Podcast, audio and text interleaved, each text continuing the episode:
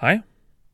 Du har lige trykket play på et afsnit af Det Ovale Kontor, en NFL-podcast lavet i et samarbejde mellem Gul Klud og Mediano. Det har du sikkert gjort i din foretrukne podcast-app. Hvis det er første gang, vil jeg sige velkommen til og tak for interessen. Du kan trykke abonner, så går du ikke glip af et eneste afsnit fremover. Er det ikke første gang, skal du have mange tak for at vende tilbage. Det sætter vi stor pris på. Hvis du kunne lide det, du hører, er du meget velkommen til at dele det med dit netværk. Om du kan lide denne podcast eller ej, så må du meget gerne lave en anmeldelse af os i iTunes. Det kan de godt lide derinde ved Apple, og det kan måske gøre, at vi bliver lidt mere profileret, når deres algoritmer afgør, hvem der er mest synlige.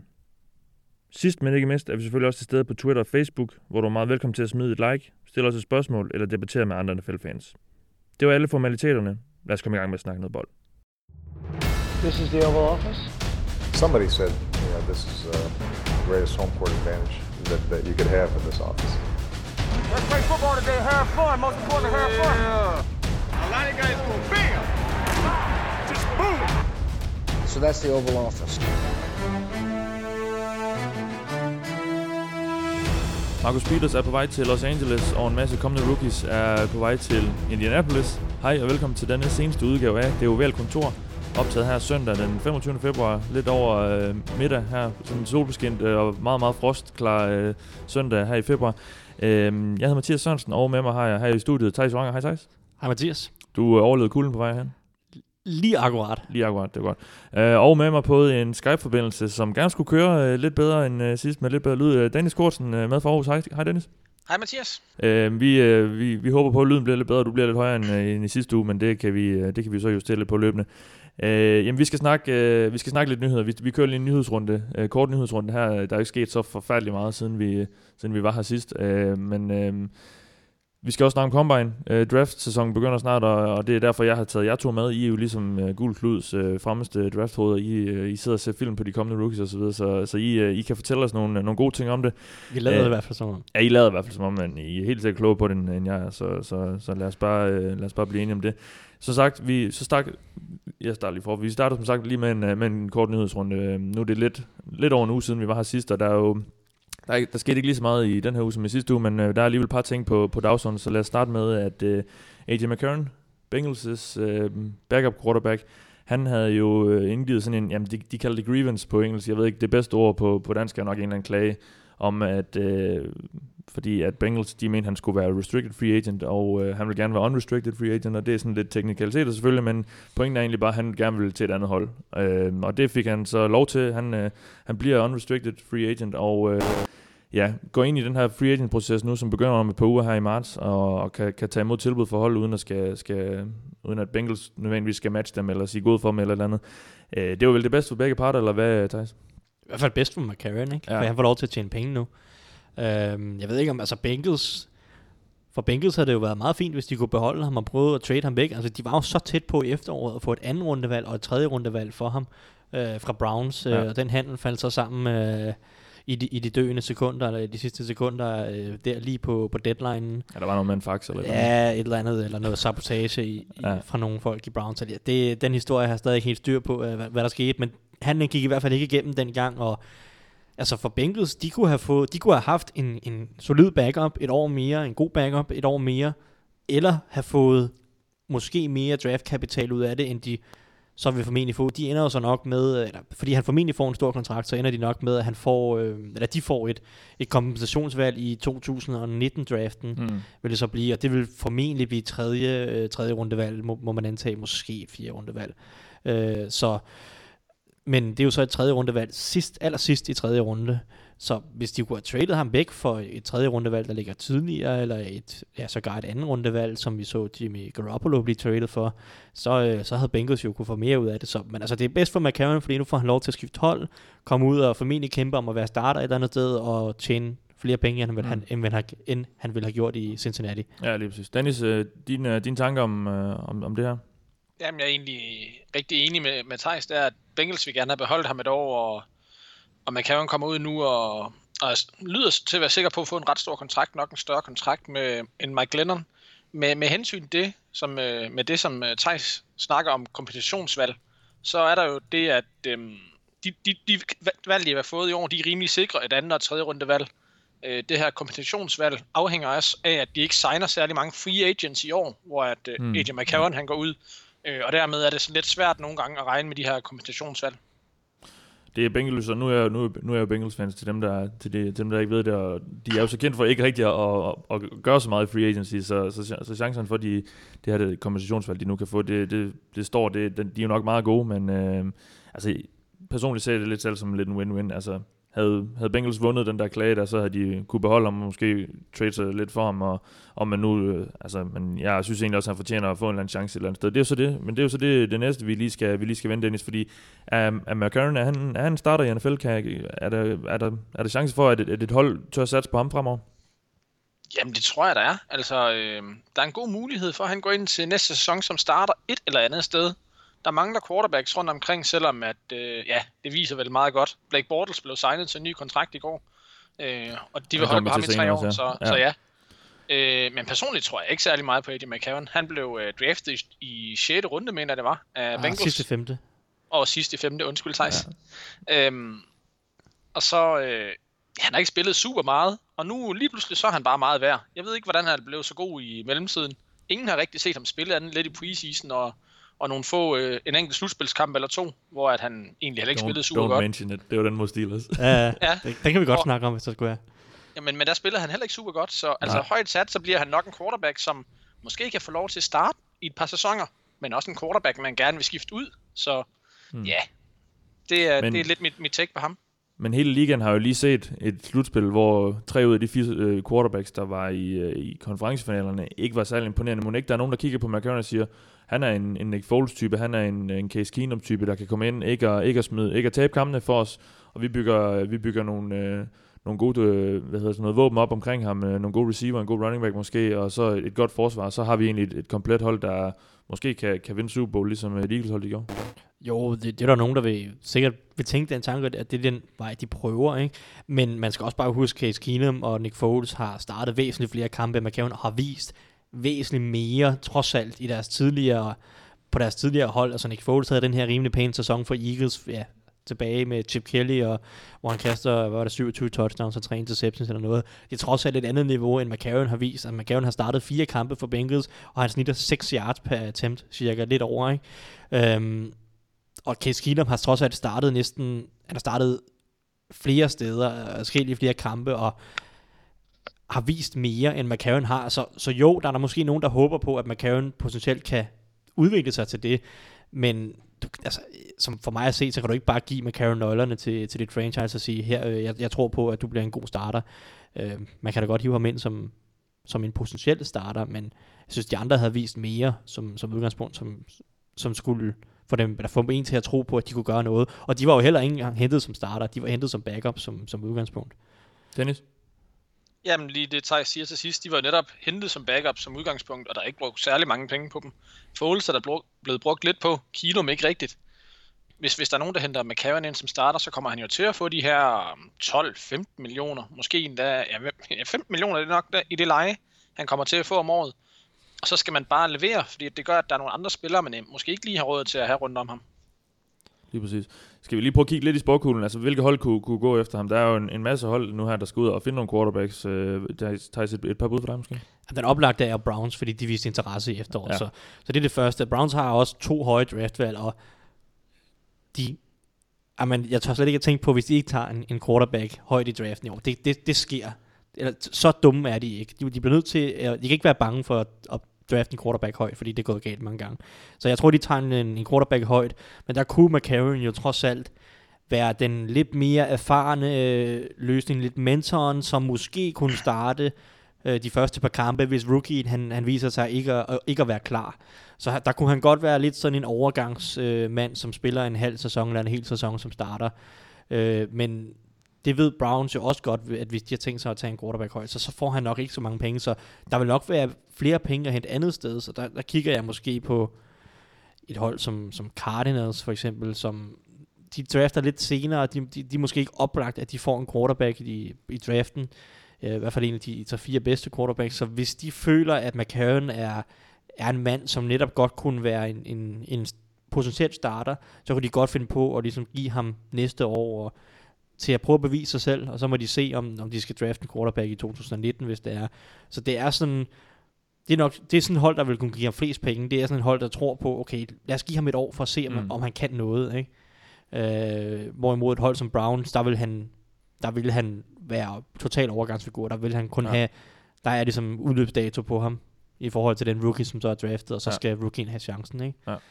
Øhm, Nogen har også snakket Vikings øh, på grund af den her forbindelse, der var med Simmer. Det der så bare er nogen, der ikke lige, øh, måske har tænkt helt over, det var, at, at uh, AJ McCarron og Mike Simmer har ikke været i klubben samtidig, fordi Simmer han, han forlod klubben det år, hvor McCarron kom ind. Så, men Vikings står jo netop med en og et eller andet quarterback-udfordring, der skal løses. De har ikke nogen officielt på, på under kontrakt her fra, fra 14. marts, så, ja. Så der skal hentes nogen ind i hvert fald. Det kunne, det kunne være, må, måske være McCarron. Vikings og, og også Broncos øh, kunne være hold, som i hvert fald prøver at kigge i free agency, og der vil McCarron være et af de navne, der vil blive dis- diskuteret. Ja. Dennis, du, du er markeret? Ja, øh, jeg tænker sådan et hold som New York Jets, New York Jets, når de misser ud på Kirk Cousins, så vil, han være, vil de være et oplagt ud, tænker jeg. Ja. Øh, måske sammen med, øh, hvad hedder han, øh, Josh McCown, hvis han kommer tilbage. Måske sammen også med en rookie, ligesom i, øh, ligesom i Browns. Jeg forstår bare ikke, hvis Browns går efter en mand her. Jo jo, de har en overgangsspiller. Men hvorfor kan det ikke lige så godt være Deshaun Kaiser eller Cody Kessler, der skal spille et halvt år, i stedet for at gå ud og kaste øh, boksen efter en spiller, man kun altså, forhåbentlig ikke skal spille? Ja, jeg er sådan set enig, men, men Ja. det, det, er jo nogle gange svært at re- resonere sig frem til, hvordan NFL-holdene sådan har det omkring nogle af de her quarterbacks, og hvordan de føler, føler med det. Men for mig at se, der burde Browns ikke hente McCarron. Jeg synes ikke, Mm. han giver mening for Browns på samme måde, som han vil gøre, i hvert fald i højere grad øh, andre steder, synes jeg. Øh, hvor Dennis nævner som sagt, ja, Jets, Mm. hvis, hvis de ikke har tænkt sig at trade op i draften, eller gå efter en, en, en quarterback i første runde, så, så kunne Josh McCown slash McCarron være, være en mulighed for endnu en, en sæson, sådan indtil de finder en, en franchise quarterback, som jeg ikke tror McCarron er. Nej. Go have some fun, bro. We ain't got to talk about too much. Let's go have some more fun, Sharon. We just having fun and we working, baby. That's it, baby. Lad os gå videre til næste punkt, fordi vi har også lige allerede fået lidt en forsmag på, øh, på free agency. Holdene begynder, øh, jamen holdene må faktisk franchise tag nu. Øh, vi kommer til, til Jarvis Landry og hele den diskussion lige om lidt, men øh, der er også, de er også begyndt at fyre lidt nogle spillere, og der er nogle, et, et, par større navne imellem dem, der, der er røget i den her uge. Øh, Brian Cushing, mange år linebacker i, i Texans, er, har fået en fyreseddel. Øh, har været højt, pro- kommet med højt profileret ud af college og, og blev også rookie of the year og sådan noget. Øh, har ikke øh, spillet sindssygt mange sæsoner, øh, eller fuld, fulde sæsoner på grund af skader, og også fået et par karantæner for, for brug af, af de her performance enhancing, enhancing drugs, øh, eller doping, kan vi måske også kalde det. øhm, øhm, kunne han, øh, altså han er 31 år, han har haft mange knæskader. Jeg, jeg tænker ikke, han bliver en, en helt øh, hot commodity, som, som de kalder det over. Altså, det, der er måske ikke hold, der line op for, for sig, tror du det, Thijs? Nej, jeg tror ikke, han har noget øh, enormt stort marked. Jeg vil egentlig tro, at, øh, at, at der går nogle uger af free agency, før han bliver signet. Jeg tror, hold, han bliver sådan en af de der spillere, som når den første storm lige har lagt sig, og holdene har set, okay, hvad har vi øh, fået hentet ind? Hvad har vi af muligheder i draften? Og de tænker, okay, det kan godt være, at vi, vi, vi skal lige have en, en ekstra konkurrent til en, til en linebacker-plads. Øh, så, så er han sådan en, der bliver, der bliver signet sådan i løbet af april, må, måske først i maj måned. Øh, og, så, og så får han lov til at konkurrere eller agere mentor slash erfaren backup øh, på et eller andet hold. Øh, men jeg tror ikke, han kommer til at have noget enormt stort marked. Nej, Dennis? Ja, som, øh, som Thijs siger, ikke det store marked. Der er lige en enkelt en, man skal være opmærksom på. Det er måske Tennessee Titans, der øh, mister deres ene øh, inside linebacker, Williamson der. Øh, og deres øh, head coach nu, Mike Rabel, er jo tidligere mand hos Houston Ja. Texans, så han kunne sagtens være et bud Ja. På, at på hente manden ind der, hvis ikke de kan få Williamson tilbage. Ja, så Så løg er det også med, en, en divisionsrival. Det er jo altid Ja, lige skønt. præcis. Det, det, det lyder som et, et rimelig godt match med, med Cushing og Titans, øh, kunne det sagtens så, være. så, så hold øje med det derude. Doug Martin, øh, running back i, i Buccaneers, øh, også øh, fortid på det hold, kom jo ind i, i ligaen tilbage i 2012 og, og tog en fuldstændig med storm, havde næsten 2.000 scrimmage, scrimmage yards i den første sæson og 12 touchdowns osv. Øh, det har haltet meget siden. Han havde et, øh, et, et lignende år i 2015, men øh, er så faldet af på den igen. Og øh, Thijs, jeg så, du skrev på, på Twitter dengang, øh, det, det kom frem her i starten af ugen, tror jeg det var tirsdag eller onsdag, at, øh, at du kunne godt se ham på, på Patriots hold. Prøv at- prøv lige at forklare hvorfor. Jeg kunne godt se ham i rollen, ikke? Fordi det er sådan lidt, enten så har han været All-Pro, eller så har han været ligaens dårligste running back, Ja, faktisk ja. talt, øh, nærmest alle de sæsoner, han har været i ligaen. Um, men Patriots, de kan bare godt lide at have sådan en, en, en lidt tung powerback, en der, en, en, der løber bolden lidt tungt til goal line øh, situationer og ja, short yardage situationer. De har ligesom haft for to år siden med LeGarrette Blunt, hvor de har stor succes med, med sådan en type. Det var også en, en, en lidt spiller, der kom sådan lidt som damage goods, Ja, skulle jeg til ja. at sige. Øh. Øh, mildest talt, ikke? Øhm, og i år, der prøvede de Mike Gillisley, som, som ikke fungerede. Han, han kunne godt blive cuttet, tænker jeg. Øh, de har selvfølgelig stadig deres passing backs i, i James White og sådan noget, men, men den her big back-rolle, den har Patriots næsten altid. Øh, så der kunne de måske godt finde på at tage chancen på sådan en som Doc Martin. De kunne også tage chancen på det næste navn, vi, vi skal snakke om, Ja. som, som er Chris Ivory. Øhm, fordi jeg tror, de, jeg tror, de prøver at finde sådan en stor. De kan også prøve i draft, men Patriots drafter traditionelt ikke traditionelt, traditionelt set ikke så mange øh, running backs. De kan godt lide at, at signe dem billigt et eller andet sted, og som, som Rex Burkhead for eksempel. Ja. Det kan også være, at de ser Rex Burkhead som deres big back, og så prøver at resign ham, men han er også bare free agent, ligesom Mm. Dion Lewis er. Så der er lidt plads i, i, i Patriots running back rum ja. øh, som udgangspunkt. Og der kunne, øh, der kunne sådan en, en lidt aldrende chance free agent, eller sådan en free agent, som man kan tage chancen på, det, det kunne jeg bare godt se. Jeg kunne godt se ham i den rolle. Mm. Mm. Men det, det er selvfølgelig et spørgsmål om Patriots tør at tage den chance, fordi han har haft en karantæne, han har haft mange skader. Så. Ja. De har lige forlænget med Brandon Bolden, øh, Patriots. men han- som- han er special teamer. Ja, lige præcis. Han er meget, en, selvom han er running back, så er han meget sådan en... Øh, Sådan en af de der klassiske. Patriots, uh, Patriots har sådan en 3-4 special Ja. teamer, som, man, som aldrig forlader holdet, skulle jeg til ja, lige præcis. Så han, øh, han fik en, en lille kontrakt til en, en lille million eller sådan et eller andet for, for næste år. Dennis, du må gerne. Ja, altså, jo, jeg kan godt se ham i Patriots. Jeg tror bare, han får flere penge, end Patriots er villige til at betale for ham, fordi at han trods alt nok bliver set som en startende running back et eller andet sted stadigvæk. Ja, måske. Han har stadig et navn, ja. Der vil jeg byde, altså, min, der er det næsten de bud der, som, som alle sammen mangler en, en running back. Det er, det er nok mere der, vi skal hen, sådan noget Detroit, Denver, hvis de kommer af med CJ Anderson. Browns, der mister Isaiah Crowell, som i øvrigt godt kunne være et sted til, uh, til Patriots, tror jeg. Øhm, og så måske i Redskins, Tror- hvis tror du ikke de ikke- er super solgte på, uh, på P-Wine. Tror du ikke, at Corral han får mere end Doc Martin? Mm, nej. Det tror jeg, han gør. Hvad må jeg sige? Ja. Ja. Jeg, jeg tror, at Doc Martin har så, så, så, så, så lang en skadeshistorik og karantænehistorik, og så svingende præstationer, at, at, at, at han bliver lidt svær. Jeg tror, Corral, øh, som er væsentligt yngre, og, og trods alt har vist okay niveau i, i han er altså meget begrænset i sin rolle. Han, han, han kan ikke, han, han fungerer ikke i alle systemer, og, øh, og han er meget endimensionel på den måde, men, men jeg tror godt, at han i, i, hos et hold vil have, vil have større værdi øh, end, Mm. end Doc Martin, men ja, det får vi jo se.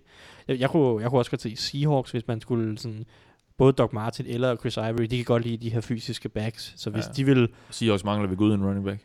Ja, og de har jo, men de har jo en masse unge, som, jeg ved ikke om de tror på nogle af dem, eller hvor mange de Nej. tror på dem, altså Chris Carson for eksempel, inden Ja, han det blev skadet. karusel, det der. Det, det er jo det, og, og der kunne man godt tænke, at, at de vil prøve en, en aldrende bag igen, men man kan selvfølgelig ja. også sige, at de blev skræmt måske lidt af Eddie Lacy, som, som Mm. gik rimelig galt, så det ved jeg ikke, men, men det er også typemæssigt, kunne det være i hvert fald lidt ned ad beast mode øh, vejen, med Ja. ja. både Doc Martin og så Chris Ivory, som Ja, jeg ved ikke. uh, Har vi flere kommentarer til, til Ivory? Han, er jo, han har jo- været det- lidt en rollespiller i de, de der klubber. Han har været i sådan en tung back, der, der skal ind og smadre den ind over øh, de sidste par år. ja, han var god hos Jets for, det må være de Ja, det var tre, også i 15. tre sæsoner Han, siden. han, ja, i havde, 15, han, ja. han har rundet 1000 yards en gang. Det var i 15 for, for Jets. Ja, så det fik han så en stor kontrakt ud af med. Ja. Ja. Men for mig at se, der er Ivory og Doc Martin, jeg ved ikke, hvordan Dennis har det med, for mig at se, der, der har de lidt det samme marked. Doc Martin har Ja. selvfølgelig et større navn, men, men øh, for mig at se, er det lidt det samme. Vi bliver lidt... Jo, jeg tror Ja. ja. bare, at Doc Martin er mere, altså, jeg tror, han har et større marked, er ikke super meget højere på ham. Chris Ivory er bare sådan en backup-type, som man ikke rigtig kan sige, hvor ender, fordi at det er bare lige, hvor der lige mangler en eller anden på et tidspunkt. Ja. Den sidste, øh, jeg har noteret, som er sådan et, et, et lidt større navn, i hvert fald øh, også rent sådan, øh, i forhold til de penge, han fik for et års tid siden, det er Chris Baker, defensive tackle, også for, for Box, som, som, også, øh, som jo så også lige har fyret Doc Martin. Øh, han fik en, en treårig kontrakt til en, en små 16 millioner sidste år, men, men skuffede fælt øh, i, løb, i løbet af sæsonen for Box. Øh, er en spiller, der øh, i løbet, flere gange i, i løbet af sin karriere har, har, har, er blevet udstillet lidt for, for, for nogle karakterproblemer. Han, øh, han, han er måske ikke lige den, der, der giver den 100% på alle spil og så videre, og har også et par, par vold, en eller anden voldsdom, hvis nok, for, tilbage fra college-tiden og så videre. Øh, der, der er måske et eller andet hold, der vil smide en etårig kontrakt efter ham, eller hvad, Thijs, tænker du? Ja, det er meget muligt. Jeg synes egentlig, han, er en, han har nogle fine kvaliteter. Altså, han er en rimelig god runstopper, som, og jeg tror nok, han skal finde et hjem, og jeg tror nok, han skal finde en pæn kontrakt, og jeg tror også godt, han kunne, han kunne, han kunne også godt være et scoop, eller sådan Mm. mm. et kub for, for et eller andet hold, øh, hvis, hvis, han, hvis han gider på en eller anden måde, eller, eller falder ind i den, det rigtige miljø, fordi det ja. virkede som om, at der var for mange spændinger i det der Buccaneers omklædningsrum, og, Ja. og han var en af dem, der skabte spændingerne. Øh, så Jeg har også hørt nogen snakke om ham, som om han, han er en, der spiller godt, når, når der er penge på spil, eller når han skal spille for en kontrakt, så... ja, det, Så det er muligt. Jeg synes jo egentlig, at han var rimelig dygtig i, i, i Washington, da han var der i, i sine første fire Ja. år. Øhm, så så hvis, hvis han kan komme ind i det rigtige system og det rigtige miljø, og netop som du siger, øh, være motiveret, så tror jeg egentlig, at han kan være en god spiller for, for et hold, og ja, nu må vi se. Altså, jeg ved ikke, øh, om, om problemerne også stammer i, at, at i Buccaneers, der endte han i et 4-3-system, og i Redskins var det mere et 3-4-system. Jeg synes egentlig ikke, det burde gøre en stor forskel. Nej. Så det er nok mest en... De han er måske mere en nose tackle type. Sådan, øh, Nej, men han er ikke en nose tackle. Nej, okay. okay. han, han, er, han er en defensive tackle, øh, så, eller en 3-4 defensive end, som, som udgangspunkt. Sådan. Han kan, han kan lidt bruges som det he, på, sådan lidt over det hele, det, den defensive linje. Øhm, men jeg- men jeg, jeg tror, han finder det et, et, et fint sted. Jeg kunne godt se, at han kommer enten tilbage til Redskins. Jeg kunne også se et hold som Patriots, eller, Hmm. øh, ja, eller New York Jets måske. De, de smider nok Mohammed Wilkerson på porten, for eksempel. Øh, Så jeg tror nok, jeg tror, han kan godt, jeg tror da godt, der kunne være en del bejlere til, til Chris Baker. Vi bliver ved uh, free agency-snakken, uh, fordi at Chicago Bears var herude i ugen og sige, at de ikke... Uh, de tager ikke den her option, som det hedder, på, på, på Josh Sittens kontrakt, som de har mulighed for at forlænge, hvis de vil. Det gør de så ikke, øh, den her offensive guard. Øh, Dennis, øh, han bliver vel en af de bedste muligheder på den offensive linje i den her kommende free agent-klasse, eller hvad? Ja, det gør han. Der er lige Andrew Norwell, der kommer fra Carolina Panthers, og så er der, ja, hvis man også tager ham med, Nate Solder fra, fra Patriots. Men Sitten, han bliver jo 32 inden den her sæson.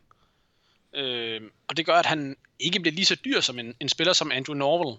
Øhm, så, så han er helt sikkert et, et godt target for, for mange hold. Andrew Norwell får, får boksen, fordi han er lige en tak bedre, lige en tak yngre øh, på nuværende step af Josh Sittens karriere. Men Josh Sitten bliver en fremragende erhver- øh, erhvervning for, øhm, ja, for hvem end der får fat i Mm. ham. Det er jeg slet ikke i Nej. tvivl om. Ja, det er jo, det er jo, altså, det er jo nærmest alle hold kan bruge en som ham, men en solid, erfaren Absolut. fyr, der, der bringer noget stabilitet ind på en, øh, på en god position der på, Ja, på, på, på den offensive linje. Han er stadig en, en top 10-15 guard i, i ligaen. Ja. Det synes jeg ikke, der kan være tvivl om. Så Hvad kan så være årsagen til, at- Bears ikke vil forlænge med ham? Er det, man går i en anden retning, eller hvad? Man vil spare nogle penge? ja, jamen, måske man vil blive yngre og spare nogle penge. De har trods alt investeret i, uh, i hvad hedder det, Kyle Long og Bobby Massey, som jeg husker det, til også Charles Leno. Så de har allerede tre... Uh, kommer nok også en Cody White her om nogle år, der skal have en kontrakt. om et par år, ikke? Ja. Så, så, så de har allerede en, del, en, en, en fin offensiv linje, og har allerede investeret en, en del i den, så, så måske er det bare, bare det, de føler, og så kigger de måske på, på draft-årgangen, og, og så synes de, at der, der er rigtig mange gode guards, som de kan bruge og mm. udvikle.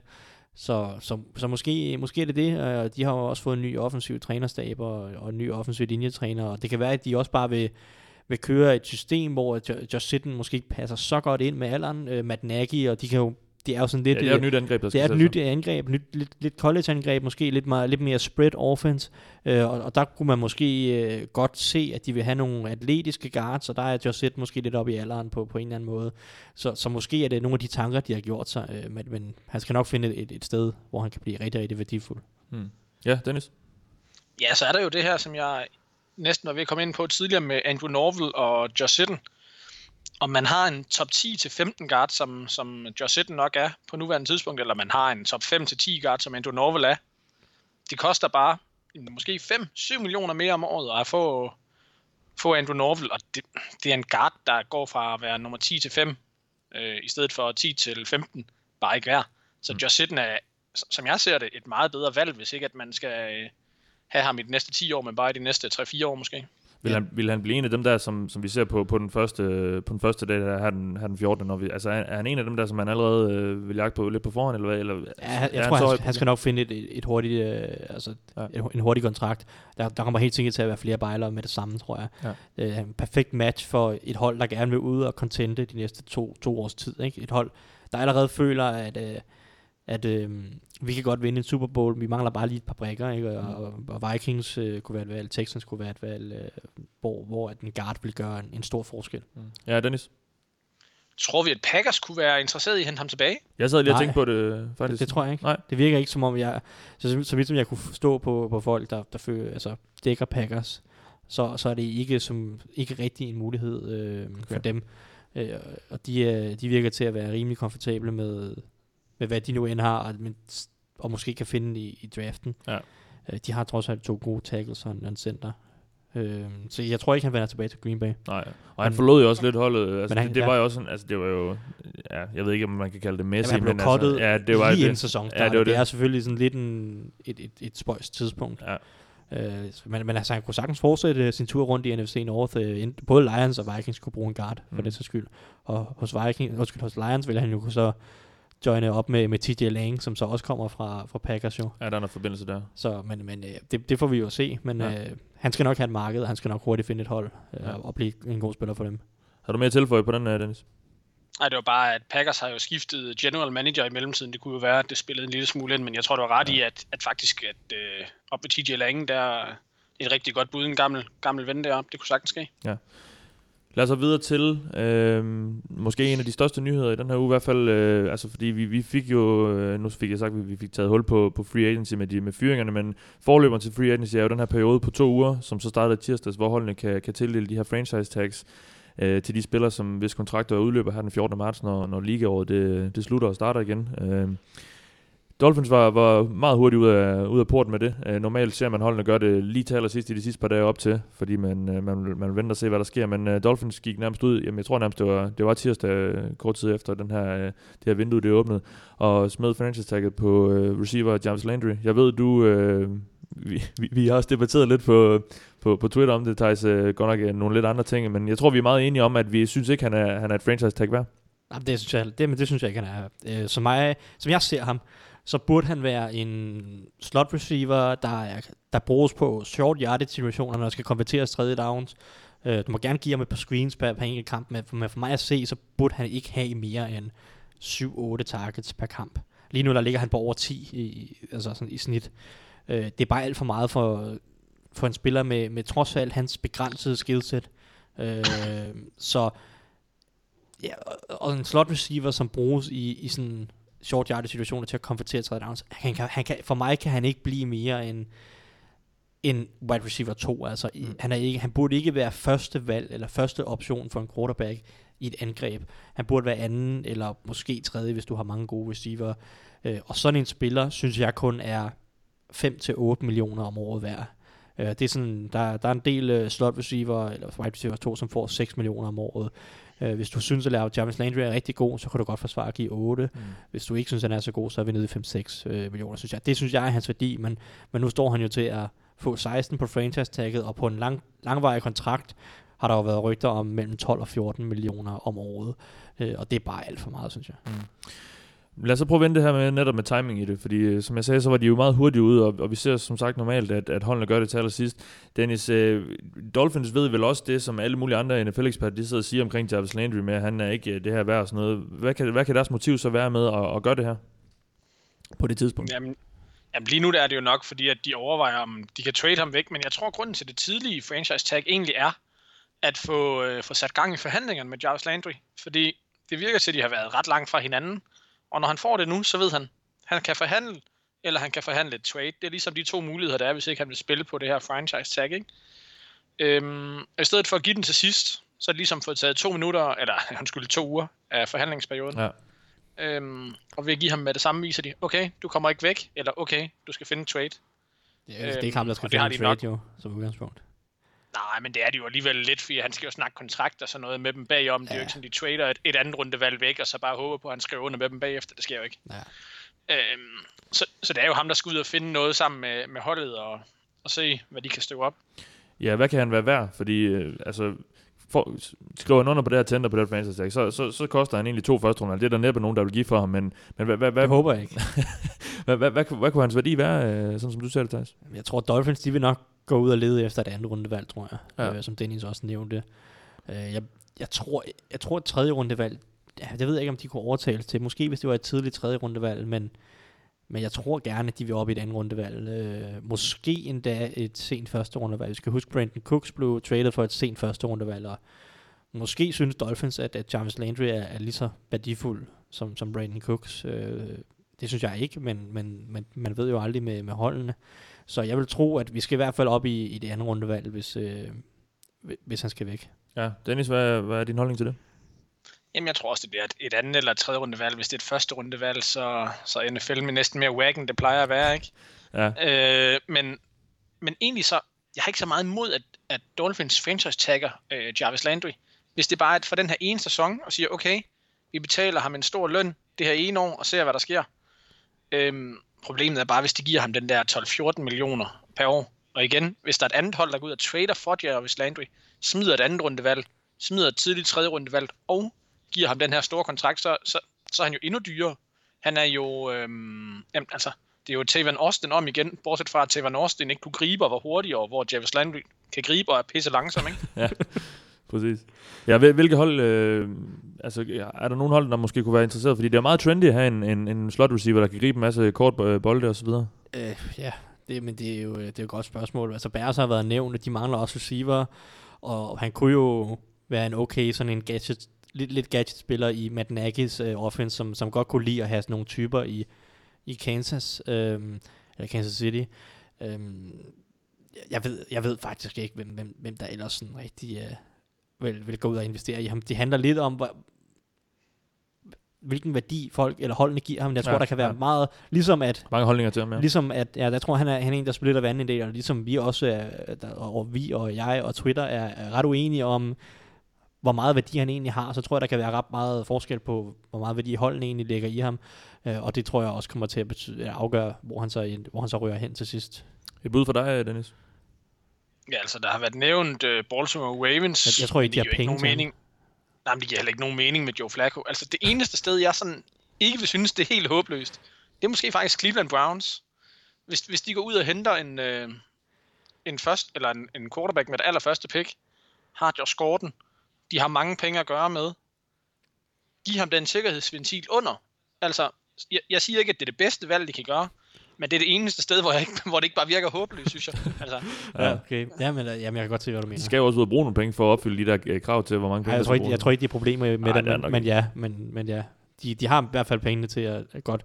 Også hvis, altså, jeg tror måske, at et hold, der vil ud og, og hente ham, de sørger for, at kontrakten er lavet på den måde, at de kan komme ud af den efter to år. Det, det vil jeg tro. Øh, sådan, han er jo lidt en, netop en, der deler vandene, og han har været brugt i en meget specifik rolle i, hos Dolphins, og nok også overbrugt i den rolle. Øh, som, så et nyt hold vil måske se, om han kan mere, end, end hvad han har vist hos Miami. Øh, og, og, så derfor vil de nok prøve at give sådan nogle sikkerheder i kontrakten, at, at de ikke committer alt for langt, alt, Mm. alt for langsigtet.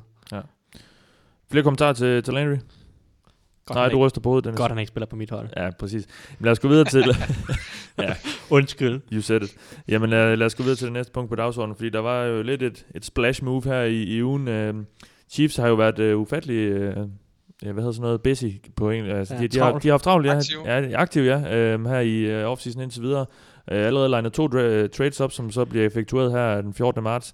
Marcus Peters, øh, kæmpe cornerback-stjerne, øh, 19 interceptions på tre år. Han tog ligaen med storm, øh, har taget ligaen med storm. Bliver traded til øh, Los Angeles Rams. Han, øh, der var snakket med af sæsonen, at han, øh, de var ved at være trætte om, at han var et problembarn. Han, øh, jamen jeg kan huske den her episode fra sæsonen, hvor han øh, kaster en dommers øh, gule flag, øh, gul flyd op på, på tilskuerrækkerne og bare skrider for banen.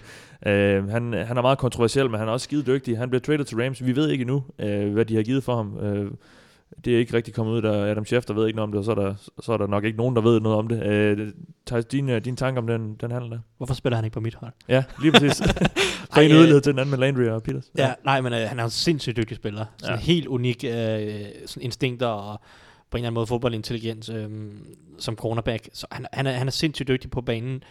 Men det er virkelig sådan tankevækkende og sådan lidt foruroligende, at en spiller som netop, altså, jeg skulle til at sige, at han er næsten historisk god. Øh, altså, jeg tror, jeg mener, der er fem eller seks spillere, som har flere interceptions øh, i, i ligaen i de første tre sæsoner. Så han er en helt vanvittig playmaker, måske Mm. en af de t- en, to, tre bedste playmaker overhovedet på, Ja. på den defensive side af bolden i, i NFL.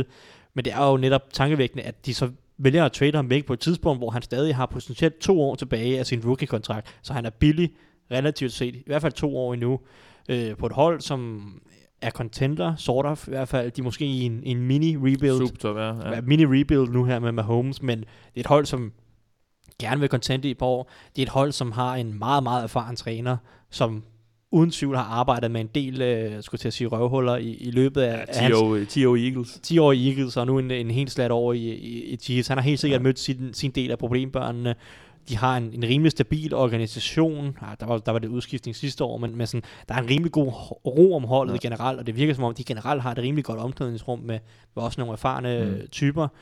Øh, at de vælger at smide ham på porten på det her tidspunkt af Marcus Peters karriere, og på det her tidspunkt af Chiefs øh, ligesom niveau og Ja. deres, op, deres sådan, ambitioner, det er tankevægtende. Øh, han må virkelig være et, et, en, en pestilens i omklædningsrummet. Jamen netop med, med, med Andy Reid og hans fortid i Eagles, han havde jo Terrell Owens dengang, som, øh, var, som han jo endte med at, at fyre dengang, fordi han simpelthen øh, skabte så meget revage i omklædningsrummet. Kan jeg vide, om det er det, der, der, der, der kan være årsagen til det igen? Måske han bare, gider han bare ikke, han orker bare ikke at bruge tid på de der problemer, der.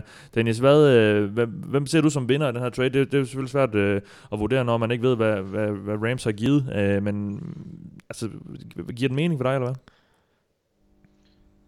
Jeg synes, det er, en- altså, jeg synes, det er en underlig trade som sådan, fordi de har råd til at beholde ham under, under lønloftet. Og så vidt jeg husker, har han ikke nogen sådan karantæner for stoffer eller noget som helst andet. Overhovedet ikke.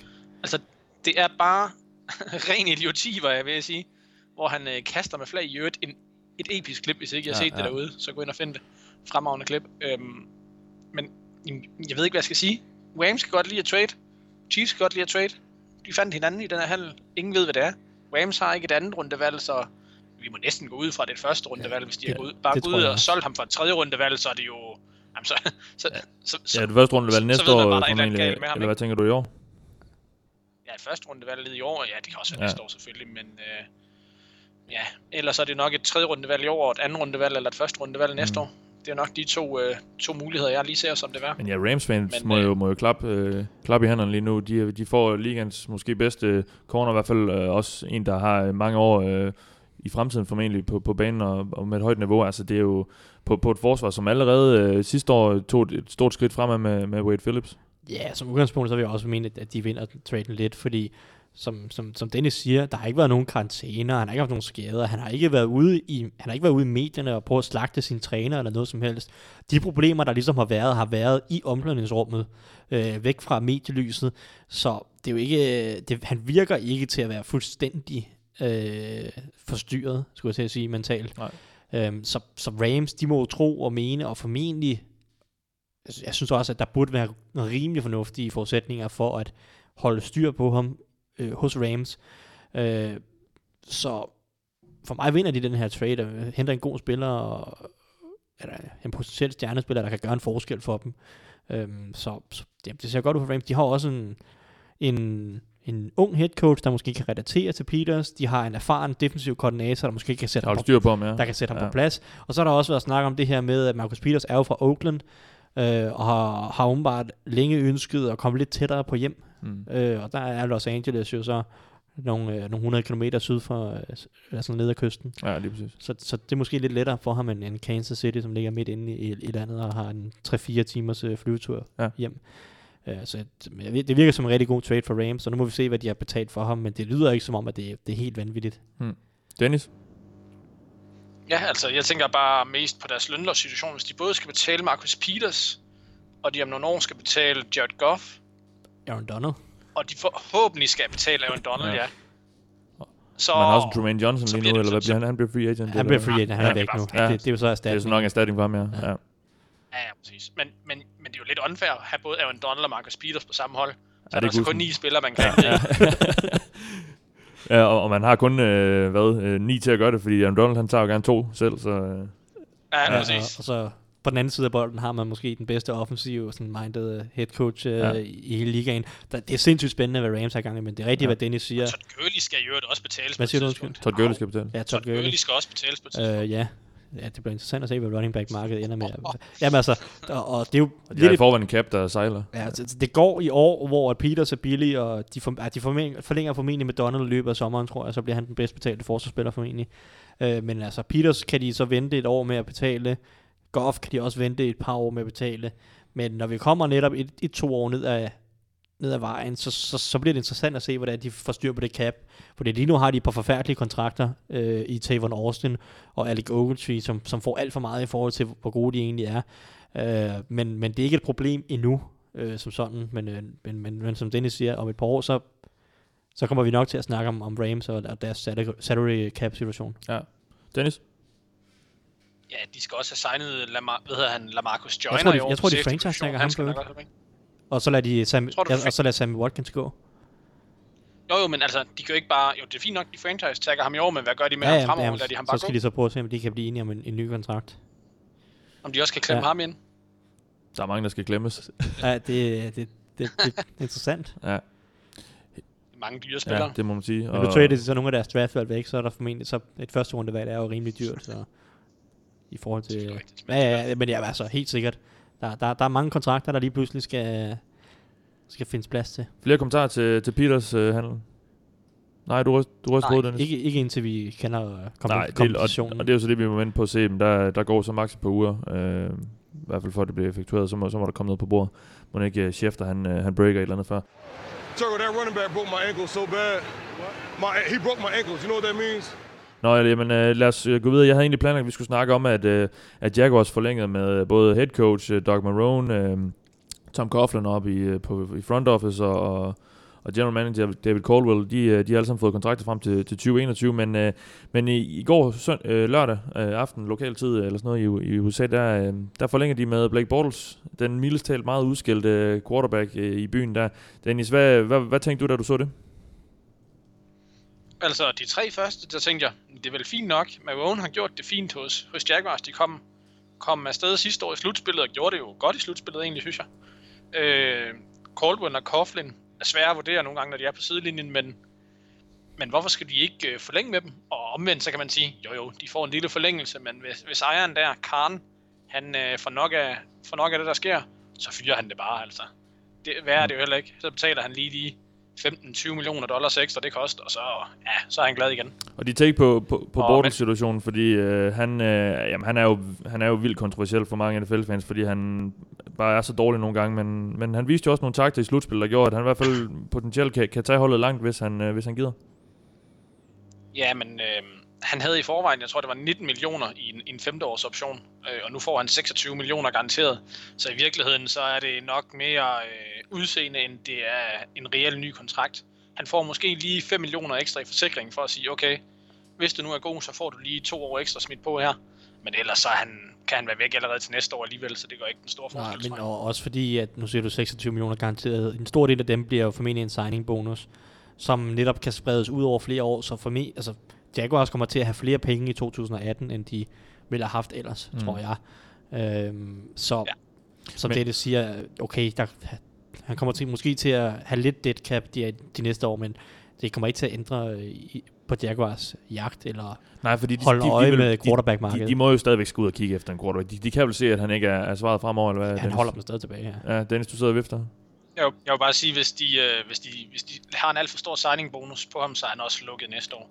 Fordi at så øh, skal de betale de døde penge for to år. Ja. Ja. Og, øh, så, så hvis det er en stor signing bonus i hvert fald, så er de øh, også låst næste år til ham. Så kan de jo så bruge ham som backup, eller se om der er noget, der dukker op, eller bruge ham i de her to Ja. ja. år. Han har jo vist sig som især en god øh, løbende quarterback, og nogle gange også som en okay kastende quarterback, nu var han har øh, øh, for net i backfield, og har øh, Keelan Cole, og havde Allen Robinson, forhåbentlig, eller Allen Robinson, forhåbentlig kan de resign ham. Alan Hearns, som måske er på vej ud af døren, og Didi Westbrook. Og, altså, de har egentlig en god, et godt arsenal af, af våben, uden at det sådan er det helt store øh, Ja. artilleri. Og jeg ved, du, jeg, jeg så, du skrev på Twitter i forbindelse med det, Thijs, at øh, de nok alligevel vil gå ud og, og drafte en, en quarterback. jeg kunne godt se dem drafte en quarterback i en af anden, tredje eller fjerde runde. Øhm, og så ligesom have den, så have Bortles til at spille næste år, og så se, øh, hvor meget ham her, den unge udvikler sig, hvor meget tror vi på ham. Øh, og så igen næste år vurdere situationen, skal vi ud efter at prøve, prøve, at finde en quarterback, eller, eller hvordan, hvordan ligger det nu. Altså jeg, jeg tror ikke, de holder op med at kigge, eller kigge og undersøge øh, quarterback-markedet, både free agency og ja, nok free agency i hvert fald i år, øh, dropper de. Men, men i hvert fald draften, det tror jeg, de, de vil stadig holde øje med og, og overveje quarterbacks i draften i år, Mm. øh, og, og nok også næste år. Men så, altså, men, men Bortles, han, han er der starter i, i 2018. Det tror jeg ligesom er den største konklusion, vi kan lave, og så, øh, så må vi se derefter, som Dennis siger. Lad os vende øh, blikket mod draften, fordi øh, ja, du, Wee! ja, lige præcis. Jamen altså, det er jo, øh, det er jo nu, øh, det, det, det spændende begynder, fordi Scouting Combine starter på tirsdag i Indianapolis. Det bliver jo, for dem, der måske ikke lige helt med på, hvad det egentlig er, så er det jo ligesom, det er jo, det er jo den, det event, der ligesom åbner draft-sæsonen. Øh, de, alle de her rookies, øh, det er jo ikke alle, der, der, der har sagt, de vil draftes, der, der, bliver, der kommer med. Man skal inviteres til det, men... Øh, Er der 380 inviteret, tror Ja, jeg. lige præcis. Men alle topnavnene er der jo selvfølgelig, og, og det er ligesom første gang, at vi, vi får dem se vi- sådan helt ved siden af hinanden øh, teste i de her forskellige øh, fysiske øh, tests, der selvfølgelig er, og der er også nogle, der er specifikke for, for positionsgrupper osv., og så er der også, og det er nok det, mange holdene måske ser mest frem til, en mulighed for at snakke med, med dem øh, one-to-one i nogle, uh, i nogle lokaler og sådan noget, for, for at følge dem lidt an og se, hvad det er for nogle typer. Øhm, Jamen, det bliver afholdt i i Indianapolis hvert år. Øh, først i, i Asiatum her, for, indtil den så blev jævnet med jorden for nogle år siden. Nu er det så på Lucas Oil Stadium. Og, og alle headcoachene sidder jo på, på lægterne, og general managerne sidder også med deres egen stopur og tager for de her tider osv. Øhm, ja, du ryster på hovedet, Dennis. Hvad, hvad, hvad, det, det, er jo, det er jo mekka for dig nu, øh, den her tid på året, er det ikke det? Jo, jeg elsker Ja. draft season. Jeg, jeg rystede bare på hovedet af, at de alle sammen sidder med deres stopure og tager dem manuelt, når det bliver taget elektronisk. Det virker ja. simpelthen så dumt. Hvad, øh, lad, lad os snakke lidt om den her combine, fordi øh, vi skal jo, nu, vi skal lige, øh, det er jo en op, nu er det sådan en optag til det, vi, så vi ved jo af god grund ikke, hvad der kommer til at ske der, men øh, hvad, hvad, øh, hvad, hvad betyder combine for de her spillere, for den her proces, Dennis? Øh, forklar os lige lidt om, øh, sådan, hvor, altså, hvor, meget, hvor meget skal vi ligge i det, der, der, der, skal, der kommer til at ske her den næste uges tid for, for på tirsdag? Jamen, jeg tror, det er forskelligt, hvad, hvad folk og holdene også ligger i det. Øh, og især når du kigger på, øh, på de forskellige amerikanske medier, så bliver der jo lagt vidt forskellige ting i det. Øh, vi ved alle sammen, at en spiller som, lad os sige, Ted Jr. fra Saints, han er hurtig. Da han stillede op til kamperen, så var han hurtig. Og folk blev overrasket alligevel. Øhm, og han strøg op af, i hvert fald af mediernes draftboard, som måske også er nogle af holdene, der så, wow, han er hurtig. Selvom man kiggede på, på, øhm, på kampbåndet og så, han var hurtig. Så for, for Tajin burde det måske ikke gøre den store mulighed, eller store forskel. Men det gør det bare alligevel nogle gange. Øhm, og så, som, som, som I siger, så er interviewprocessen i, til Combine er, er super vigtig. Hvor, du, hvor de kom ind og se, der var, jeg tror der var et klip af Carson Wentz og Eagles faktisk for, no, for et par år siden. Hvordan de øhm, havde ham inde til, til interview, og hvordan han gennemgik spillene på en skærm.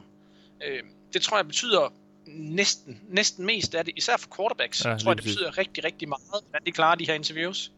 Øh, for jo jo, det er fint nok, du kan kaste øh, 70 yards på knæene, og det er fint nok, at du kan løbe 4-4 fra det hele, men hvis ikke at du øh, kan klare dig, når der kommer en blitz fra den ene side, og en zone, der drømmer ud over den side, og du så bare står og fryser, altså, så hjælper det jo ikke det store. Thijs, hvad er det, du vil komme til at sidde og kigge efter, når du øh, kommer til at følge med de her, øh, den, den kommende uges tid? Nå, men jeg vil kigge på, jeg vil kigge på øvelserne, fordi det er det, jeg kan se. Men som Dennis siger, Mm. interviewsen er det vigtige. Lægetjekket er, er jo også afsindigt vigtigt. Øh, for i hvert fald for mange spillere. Altså det, det udelukker jo, eller koster spillere hver eneste år, hvis de har en eller anden skavank, eller eller andet problem øh, langsigtet med, med deres knæ, og med deres skuldre, eller med deres, jeg ved ikke, lille tog eller noget. Ikke? Så, det, så de, går, de bliver tjekket i, i hoved og, hoved og røv. Øh, øh, så, så det er også sindssygt vigtigt, men, men det vi kan se udad til, det er jo, det er jo, med, øh, det, er, det er jo de her forskellige øvelser.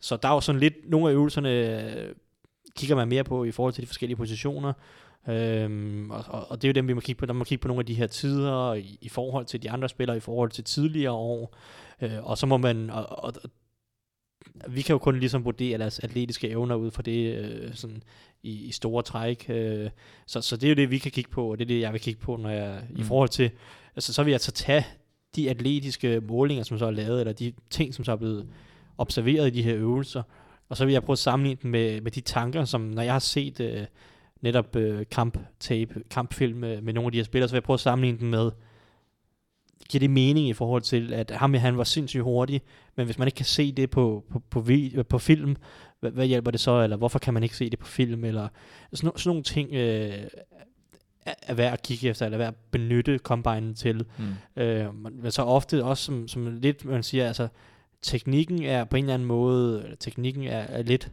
gulvet for deres talent, ikke?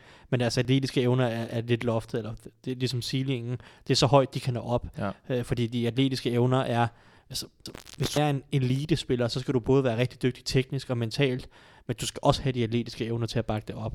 Så det er sådan lidt at se, hvor, hvor stort er deres potentiale egentlig, hvis vi kan lære dem teknikken, hvis vi kan få dem til at forstå spillene, hvor meget kan de atletiske evner så bære dem? Mm. Altså, hvor højt kan dem bære dem op? Så det er sådan nogle af de ting, man, man kigger lidt efter, tror jeg.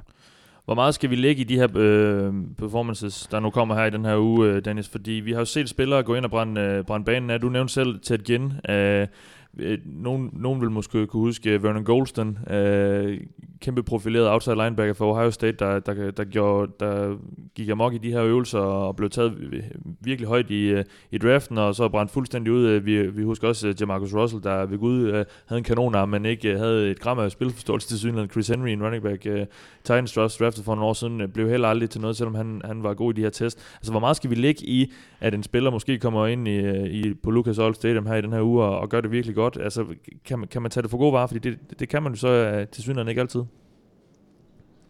Jamen, jeg tror, det kommer lidt an på, som Thijs også siger. Øhm, altså, hvad forventer man i forhold til, for, i forhold til det, man har set på, på båndet, ikke? Altså, øhm, og så kommer det også an på, hvilken position du spiller i øvrigt.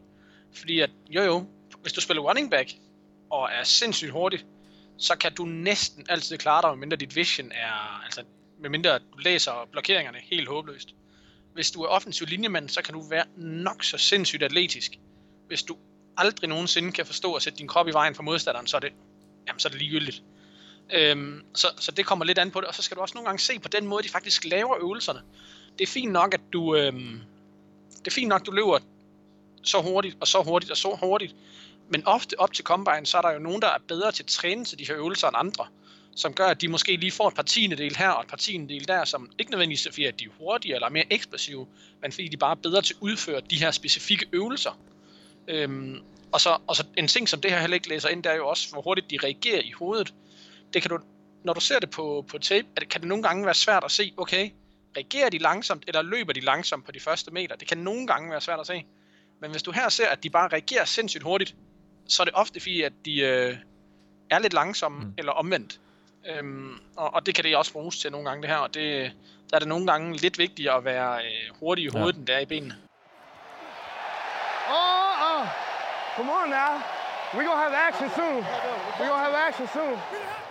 Jeg har bedt jer om, øh, fordi vi, vi, vi skal have nogle, vi skal have nogle, øh, nogle navne på bordet, som, som folk derude, hvis de, hvis de tuner ind på øh, NFL Network, de plejer at sende live derfra, øh, øh, fra, fra start til slut, øh, mere eller mindre. Rich Eisen, øh, ham her i verden her, han løber altid den her berømte 40 i, i, et, øh, i, et, øh, i et jakkesæt og så videre. Øh, ja, Hvorfor gør vi ikke det? Det, jeg tror ikke, der var nogen, der, ville give at se på, på os. Nej, vi kan, vi kan løb, løb ned af en eller anden tilfældig, til det, løb, løb ned af en eller anden tilfældig cykelsti uh, på, i Danmark, det ved jeg sgu ikke. Uh, det, det kan være, det, det, det må vi lige tage med uh, næste gang, vi skal, vi skal brainstorm. Nej, jeg har bedt om at tage nogle navne med på, på, på spillere, som... Uh, som har brug for en god combine, og, og, og da jeg forklarede lidt, øh, hvad, det, hvad det skulle handle om, så, så, er det jo, så var det også med det forbehold, at det har alle selvfølgelig, men der er måske nogen, der skal ud og indhente noget. Thijs, skal du ikke lige give mig et par navne på nogle spillere, som, som, som skal ud og performe her? Jo, så vil jeg også sige, uh, på Google Klud, så i løbet af de næste par dage, så kommer der også en artikel med endnu flere navne, end vi ja. sidder her og snakker om, så den kan man gå ind og finde, uh, som, som Dennis og jeg har sat sammen, uh, som, hvor vi prøver at snakke om nogle af de her spillere, og ja. hvad, vi kan forvente, måske ikke forvente til Combine. Men, uh, men fem navne, jeg har taget med her, som, som spillere, jeg, jeg føler har brug for en god Combine, det er... Uh, Først og fremmest øhm, Boston Colleges øh, edge rusher, hvad, det, jeg ved ikke, han må være defensive end i, øh, i, øh, til combine. Jeg ved ikke, hvordan de øh, definerer de der forskellige positioner, men, men han er pass rusher, øh, og, og han hedder? Han hedder Harold Landry. Ja. Øhm, han var et, et meget, meget, øh, sådan, sådan, meget, meget talentfuld i, i 2016. Man troede egentlig, at han ville kunne øh, tilmelde sig draften sidste år øh, hvor han formentlig var blevet valgt i første runde. Der var han øh, højt profileret navn sidste år.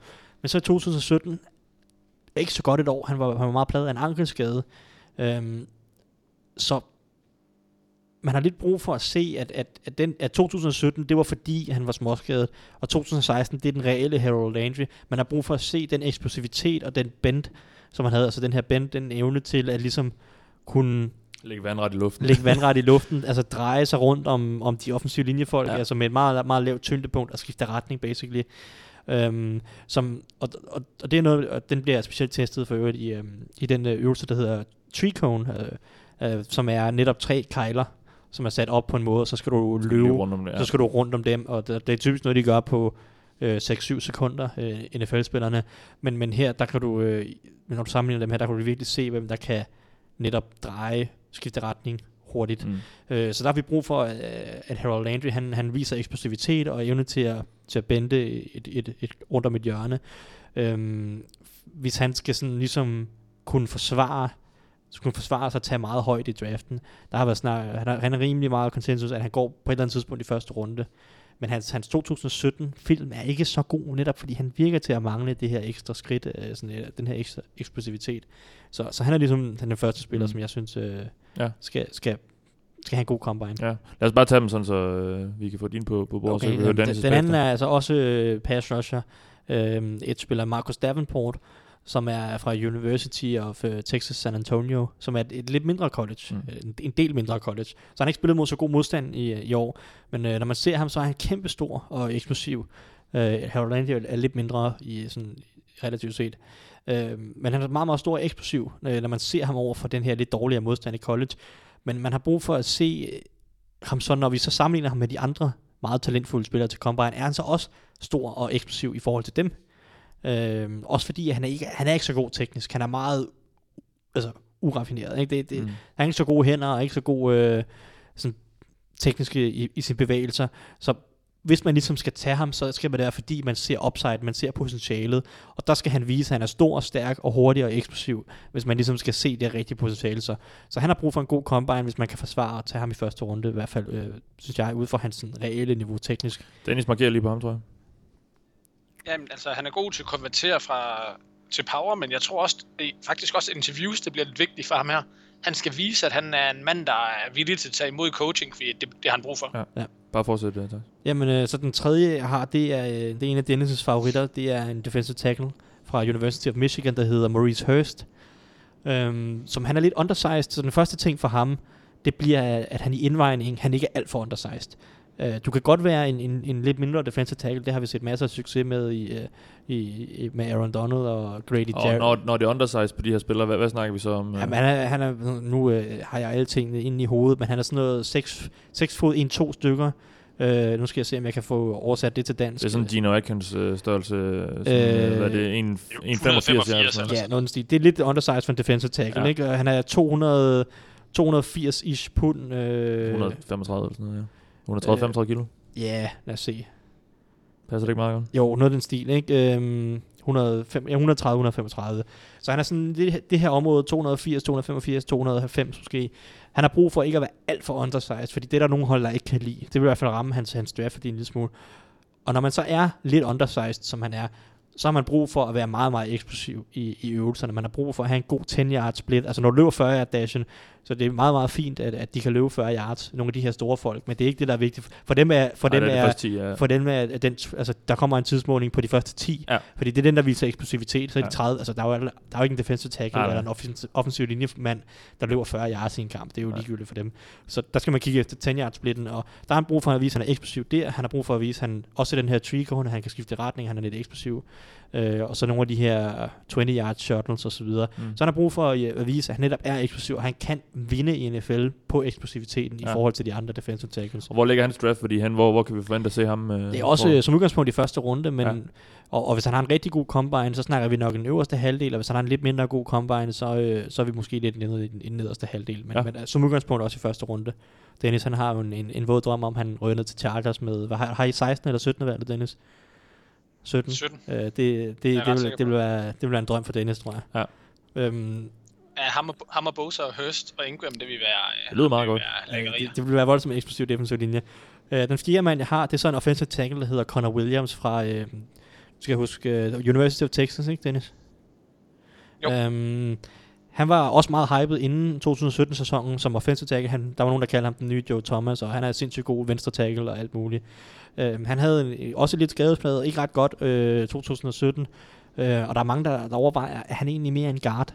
Har han overhovedet den her mobilitet, der nogle gange kræves for at, at være, at være tackle øh, i- NFL? Så der er nogen, der overvejer, om han guard, og det betyder, at både indvejningen, altså hvor stor og hvor høj øh, er han egentlig? Kan han spille guard? Kan han spille tackle? Hvad, hvad synes holdene egentlig bedst om, når de ser hans, hans kropsbygning? Øh, og så også, når han bevæger sig, alle de her bevægelsesøvelser. Så det er selvfølgelig både nogle af de her klassiske drills, men det er også positionsøvelserne, altså de po- positionsspecifikke øvelser. Der vil han blive bedt om at lave nogle kick slides, altså mm. som er meget klassisk i pass protection. Øh, og der vil han blive blive bedømt på nogle af de her positioner, så hvor godt bevæger han sig, når han er sådan ligesom in space. Øh, og det, det tror jeg vil være meget afgørende for, om vi ser et hold draft ham som tackle eller som guard. Øh, så det, det er min fjerde mand. Og den sidste mand, jeg har, det er så en linebacker, der hedder Leighton Vander Esch. Eller Vander hedder han nok på engelsk med, med et V. Øh, øh, fra Boise State. Øh, han har kun spillet, han har kun været starter et år i college, men han er sådan han er ret spændende spiller, han har rigtig god størrelse, og havde en, en vanvittig god øh, sæson her i 2017, øh, produktionsmæssigt. Han har været sammenlignet en lille smule med Brian Urlacher, Urlacher fra, som jo går i Hall of Fame næste år. Øhm, og det bliver interessant at se, hvor godt han egentlig tester, når man, man kan godt se, at han er lidt uerfaren i forhold til, at han kun har startet et år i college, men, men hvor meget er det, altså, han virker ikke sindssygt hurtigt på tape, men hvor meget er det, den mentale, som det, det, det som Dennis snakker om mm. tidligere, når han virker lidt langsom nogle gange, er det så fordi, at han skal opfatte tingene, eller er det fordi, han bare ikke har, han er, han er, han er ikke så hurtig nej. eller eksplosiv. Øh, hvis han er meget hurtig og eksplosiv, øh, når vi så tester ham her, så tror jeg, at han godt kan gå i første runde. Øh, på grund af potentialet og størrelsen og, og, og ligesom hele pakken. Mm. Øh, hvis han ikke tester så godt, så tror jeg, han, han er et andet rundevalg. Ja. Øh, så det er mine, mine fem. Ja. Øh, og Dennis, du, øh, du markerer også? Det er bare ham med Van der Esch. Så ham, ja, Van der Esch hedder han vel. Han minder mig lidt typemæssigt, måske som uh, Benedict McKinney i Houston Texans. Ikke helt lige så høj, men lidt typemæssigt faktisk. Lidt samme type, synes jeg. Ja. Dennis, lidt, øh... Ikke helt super mobil, men rimelig stor og rimelig okay mod løbet også, ja, faktisk. Ja. Dennis, du har også uh, taget nogle navne med på nogle spillere, vi, uh, som, eller som har brug for en, uh, en god combine. Ja, jeg starter ud med, øh, med en, en stor dude, der hedder Tim Settle. Han spiller nede hos Virginia Tech og spiller defensive tackle når man ser hans tape, man kan se, at han er, han er stor. Han er en gigantisk mand. Han vejer vel 335-40 pund eller sådan noget, ikke?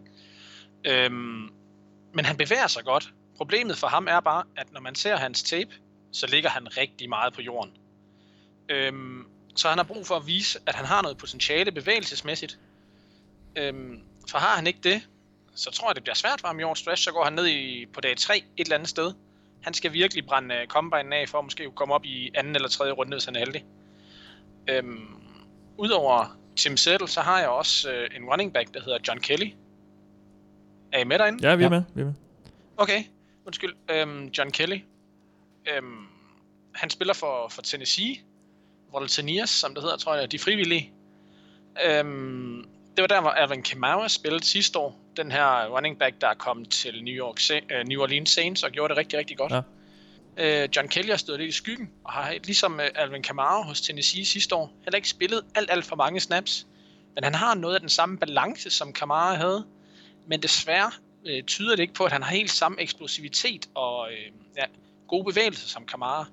Vi skal se her til Combine, hvor langt er han fra ham, sådan rent bevægelsesmæssigt har han chancen for at kunne noget af det samme, eller skal man bare regne med, at han er en, sådan en spiller, der nok går hen og bliver en, en okay backup? Det er nok øh, det, det, han spiller det om her til Combines vej. Ja, ja.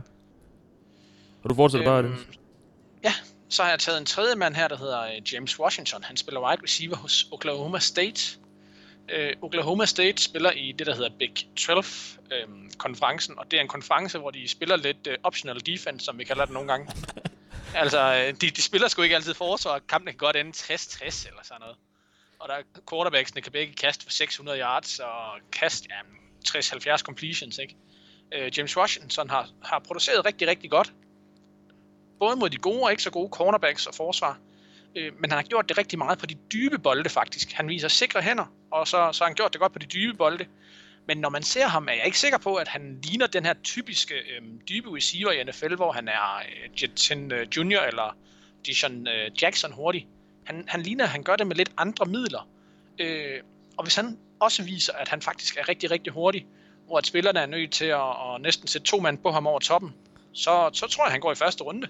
Øh, viser han bare, at han er en, jeg vil sige, midt, midt i parken, ikke? Altså en middle of the road øh, atlet, så tror jeg godt, han kan falde ned til måske en tredje runde, så, så der er mange penge det lidt, for, uh, for James Washington. Lidt Will Fuller-agtigt, ikke? Uh, han gik jo også i første runde, efter han havde løbet vanvittigt hurtigt til, til Combine. Så tog Texans ham, ikke? Fordi han, han var den her dybe trussel. Um, jo, de er bare slet ikke samme type. Nej, okay. Altså, de, begge, de er begge dybe. Will Fuller har bare ingen hænder. Super, super hurtigt, og det var der aldrig nogen tvivl om. Uh, James Washington har rigtig gode hænder, men der, der er lidt mere tvivl om, hvor hurtig han egentlig er, selvom han er, en, er bedst på de dybe ruter lige nu. Ja. Har du et par, øh, du har et par navn med jer med i den her kategori, ikke? Ja, det har jeg. Så har jeg en, der hedder Hercules. Hercules. Hvad er det? Et, et fremragende navn. Ja. Allerede der er den første runde. Mata, Mata Arfa. Han, er, øh, han spillede defensive tackle hos Washington State. Hvis, øh, hvis øh, Morris Hurst var undersized, så er ham her virkelig, virkelig undersized som defensive tackle. Jeg tror, han vejer 250 eller 255, øh, 55 pund, undskyld. Det, det er 50 pund Øh, mindre end en, en, en gennemsnitlig defensive tackle. Ja, han er nede at veje sådan noget, altså nede at veje, siger jeg ikke, 110 kilo eller 115 kilo. Øhm, og det er ikke nok til at spille defensive, defensive øh, line ind i midten i NFL, det tror jeg ikke. Øhm, han spillede bare derinde i, øh, i college, og han har vist, at han kan skyde en masse huller. Han er god til at, at takle. Han er, virker også rimelig klog som spiller. Men i NFL skal han nok ud og spille noget defensive end. Her til Combine skal han vise, at han har det bend, der, der skal til for at kunne gøre det og at han forstår, hvordan han skal spille derude i positionsøvelserne. Øhm, Hvis han gør det, så er han sådan en spiller, som måske et hold som New England Patriots godt kunne finde på at tage i første runde. Han kan måske ende med at skulle spille en lille smule linebacker også i NFL. Øhm, hvilket må være en, en stor omvæltning for at spille øh, defensive tackle i, i college. Ja, jeg glæder mig sindssygt meget til at se ham. Han er virkelig, virkelig spændende. Han er sådan... Han har ikke rigtig nogen rolle, fordi han kan ikke spille den rolle, han spillede i, i, i college. Så man, altså, hans combine bliver rigtig vigtig, fordi som Dennis siger, mm. du skal finde ud af, hvor han skal spille i NFL. Ja. Men, men han viser eksplosivitet og, som Dennis siger, gode instinkter og, og gode takleevne og, og rimelig god teknik. Så men, jeg, jeg synes, han er en af de sjoveste spillere i, i den her draft-klasse. Så, så Hercules, øh, han, han, han må gerne holde øje med. Ja, bare navnet gør jo, han er værd at, at følge. helt bestemt. Så var, det, var, det var din fem, eller hvad, Dennis? Nej, jeg har lige den sidste oh, her, ja, der hedder Just, Justin Reed. Han spillede øh, ja, cornerback slash safety hos øh, Stanford, det kloge Stanford Universitet. Øhm, på Twitter og på, øh, på andre medier er der gået en lille smule rygte om, at han måske kan finde på at løbe en 40-yarder helt ned på noget, der hedder øh, 4,7. Det betyder, at han løber, øh, Helt op han løber lige så langsomt som en gennemsnitlig linebacker ja. til Combine. Og hvis han gør det, så er det udelukket, at han skal spille cornerback i, øh, i NFL. Og nogle hold vil nok også næsten overveje, om han har hurtigt nok til at kunne spille øh, safety i NFL. Øh, jeg tror, han løber lidt hurtigere, og gør han det, altså løber han nede på en 4-5, øh, som er gennemsnitlig defensive back hurtighed, så kunne han også godt være en mand, der sneger op i første runde, tror jeg. Ja. Helt sikkert noget at holde øje med. Øh, som, som du også sagde, så kommer der artikel artikler ud på Guld Klud også, med, hvor de her navne her, hvor man kan gå ind og, og læse lidt mere om dem. Og, og lige, Ja, det var ligesom spillere, som der er lidt tvivl om i komp. Ja, lige præcis. De skal ud og bevise et eller andet, eller vise et eller Ja. andet. Øh, Man, man er lidt tvivl om, hvor gode de egentlig er Ja. øh, på- nogle, på nogle forskellige områder. Øh, så, så, så, så, men, men der kommer også til at være en masse spillere, som overrasker, som så viser noget, Ja. ja. man, man slet ikke havde troet. Øh, Jeg kan i hvert fald huske, øh, nu valgte Steelers, de valgte jo TJ Watt sidste år. Øhm, og både jeg og Dennis havde set ham inden Combine, men mener jeg, Dennis var, synes, han var lidt bedre spiller, end jeg synes på det tidspunkt. Øh, fordi jeg var sådan lidt, men, men hvad, han, han har jo ikke noget sådan vildt potentiale. Og så går han ind i Combine, og han er jo en af de bedste atleter, der var øh, til Combine sidste år. Og så var han sådan lidt, okay, der er rent faktisk Mm. noget, noget endnu, endnu mere potentiale, fordi når man så ham, så var han bare virkelig en klog spiller, øh, god effort, og disciplineret og sådan. Han, han, han, han skal nok være et sikkert kort i NFL, men, men nu, der, ja, nu ligner han en spiller, som kan blive endnu bedre end det. Rent faktisk blive en profil i, i NFL. Ja, ja, Øh, og han arbejder sig ind i første runde med sin combine sidste år. lige præcis. Og det er jo det, er jo det vi, vi nok også vil se nogen gøre i, i år. Nogle også, og nogle sikkert også smide deres første runde. Præcis, jeg kan huske, uh, Ravens de ender med at tage Tim Williams øhm, i, hvad, hvor er han helt ned til fire? Defensive tackle. Uh, nej, defensive Eller linebacker, ja. outsider. Ej, var det, var det ikke i anden runde, de to? To de har med i anden runde, anden eller tredje runde. Ja, sidst i anden runde, tror jeg. Ja, jeg mener, de to Tyus Bowser i anden runde. Jeg mener, det var tredje runde faktisk Jamen, havde, havde de ikke to valg? Nå, det er også ligegyldigt. Han, han var øh, på det, inden Combine, var han ligesom, han var anset som et første runde talent. Der var nogle spørgsmålstegn også Kom omkring, fra Alabama, ikke? han kom fra Alabama. Der var ja. nogle spørgsmålstegn omkring off-field og sådan Ja. noget. Han havde nogle, nogle måske lidt belakket ry, så der var tvivl om, han ville gå i første runde, men til Combine, der viste han sig også, han viste sig, så, han var slet ikke lige så eksplosiv, som, som Nej. man troede. Øhm, så, så, så han faldt også øh, baseret på Combine. Måske har han også gjort det dårligt til interviews, netop med den her lidt blakkede baggrund. Så, så, så der, der, der kan vindes og tabes en, en del øh, i, til Combine. Lad os slutte af med at, at tage et kig på, nu har jeg bedt jer om, at, og nu, nu bad jeg dig lige om at, at finde nogle spillere, man skulle, der, der har brug for en god kommer. Nu, nu har jeg så bedt jer om at finde nogle spillere, som, som vi kan sidde og holde øje med. Nogle, øh, nogle profiler derude, nogle, øh, nogle freaks. Nogle, nogle, der bliver, nogle, der bliver sjov at se. Thijs, lad, lad, mig, lad mig få et par bud på det, jeg har bedt om at, at tage fem med, så, som du gerne må, må gå igennem. Ja, men så, øh, som jeg forstod det her, så, tog jeg, så tager jeg fem spillere, som, altså, de bliver sjove at se dem her. De, mm. de, de kan virkelig brænde det hele af. Øhm, første mand, jeg har taget, det er ligesom for at sige, der er jo alt- altså 40 yard dashen, det er ligesom den klassiske, ja. Ja. det, det er sådan som kongedisciplin, skulle jeg til at ja. Ja. sige, selvom den reelt set har, har relevans for meget, øh, meget få positioner. Ja, ligesom 100 meter i atletik. Og, Ja, ikke? Men, men uh, cornerbacks er selvfølgelig en af de positioner, hvor, et, uh, hvor, hvor far vil hjælpe, og jeg, tror, favoritten til at være eller den hurtigste, favoritten til at være den hurtigste spiller i år er cornerback, og han hedder Dante Jackson, og cornerback fra LSU, uh, som er Louisiana State. Uh, de forventer, at han løber lige under uh, 4,3 sekunder. Altså, uh, Josh Ross, som breakede sig John drafted, Ross, ja. ja. som dra- drafted sidste år, han satte jo den nye rekord, 4,22. Øh, ja. 4,22. Ja. Øh, de forventer, at ham her, Dante Jackson, løber lige under 4,3 øhm, i år. Og, og så, så hold øje med ham. Øh, han er nok en, en spiller, der bliver valgt på et eller andet tidspunkt på anden dagen af, af draften. Bliver nok ikke valgt i første runde, men, men han skulle i hvert fald være, være den hurtigste mand, forventer folk. Ja. Øh, jeg, så jeg kan tage en konkurrent til ham, som også er cornerback, øh, som hedder Denzel Ward fra Ohio State. Øh, jeg forventer også, at han er sindssygt hurtig. Øh, det gør folk i hvert fald. Og han har, Ohio State har også noget The Iron Man, øh, et eller andet, som, hvor de netop har sådan internt på holdet, øh, laver en masse test, og netop, netop laver en masse atletiske testning, og der skulle ham med Denzel Ward. Han skulle være helt vanvittig i en, en hel masse kategorier. Han er sindssygt lille, øh, men, men øh, han, har, han har vanvittige hurtige fødder. Mm. Altså virkelig, virkelig meget fart. Du markerede på ham, øh, Dennis. Det er bare fordi, at uh, Thijs snakkede Iron Man. Uh, vi skal huske, at Hjalte Froholt faktisk vandt den konkurrence hos uh, Arkansas her for uh, ja, to år i træk. Var det ikke uh, der, han vandt? Øh, jo, det, det skal nok passe, at han, er, han har gjort det godt. Jeg mener, jeg mener også, at Knappe har også vundet den hos... Nej, det var noget Var det Knapper, der gjorde det hos Yukon? Ja, det, det, det, det er også... Øh, det er ikke så vigtigt, men altså Denzel Ward er også meget, meget hurtig. Kunne være en kandidat til den hurtigste spiller i, til Combine. Øh, og så, ja, ellers så tror jeg, han kommer til at blæse nogle af de her tree cones, 20 yard shuttles, øh, altså nogle af de her ting, hvor man skal skifte retning. Ja. Øh, han var sindssygt hurtig i fødder. Han, han, han er nok en slot corner. Han kan måske også godt spille på ydersiden i NFL, men, men øh, som, han, er, han er lidt mindre, så, så, så slot corner som udgangspunkt i NFL, men han går i første runde, Mm. tror jeg. Jeg tror, han kommer til at være sindssygt sjov at se. Øh, tredje spiller, safety, Derwin James, går også i første runde i år. Øh, formentlig. Rygterne går på, at han, han kan altså brænde det hele af. Også, altså virkelig bare gå amok i øvelserne. Når man ser ham, så kan man godt se, at han er, han er meget, meget flydende atlet, som er ekstremt komfortabel i opdækningen for, for en safety at være. Og han kommer fra... Han kommer fra, undskyld, Florida State. Ja. Øhm, han har en god størrelse også. Han, han virker som sådan en af de her... Ja, han virker som en af de her, der bare er en freak på en eller anden måde. Han er, han er ikke så sindssygt fysisk, og man kan godt tvivle på hans effort nogle gange på tape, men, men han, han virker bare som, som en, en vild atlet. Han kommer også til at gå i første runde på et eller andet tidspunkt. Øhm, så har jeg taget en, en defensive tackle, fordi det er altid sjovt at se nogle rigtig store folk løbe hurtigt. Dennis han nævnte tidligere Tim Settle. Uh, ham her er, er fra Washington, og hedder Vita Vea, og han er Mm. bare et stort skrummel. Ja. Han er bare et kæmpe stort skrummel. Og når man ser ham, øh, når, han ser, når man ser hans film, så er han øh, det er absurd adræt at se på, for hvor stor han er. For, for hvor stor han er. Jeg glæder mig sindssygt meget til at se til Combine, hvor hurtig han reelt set er.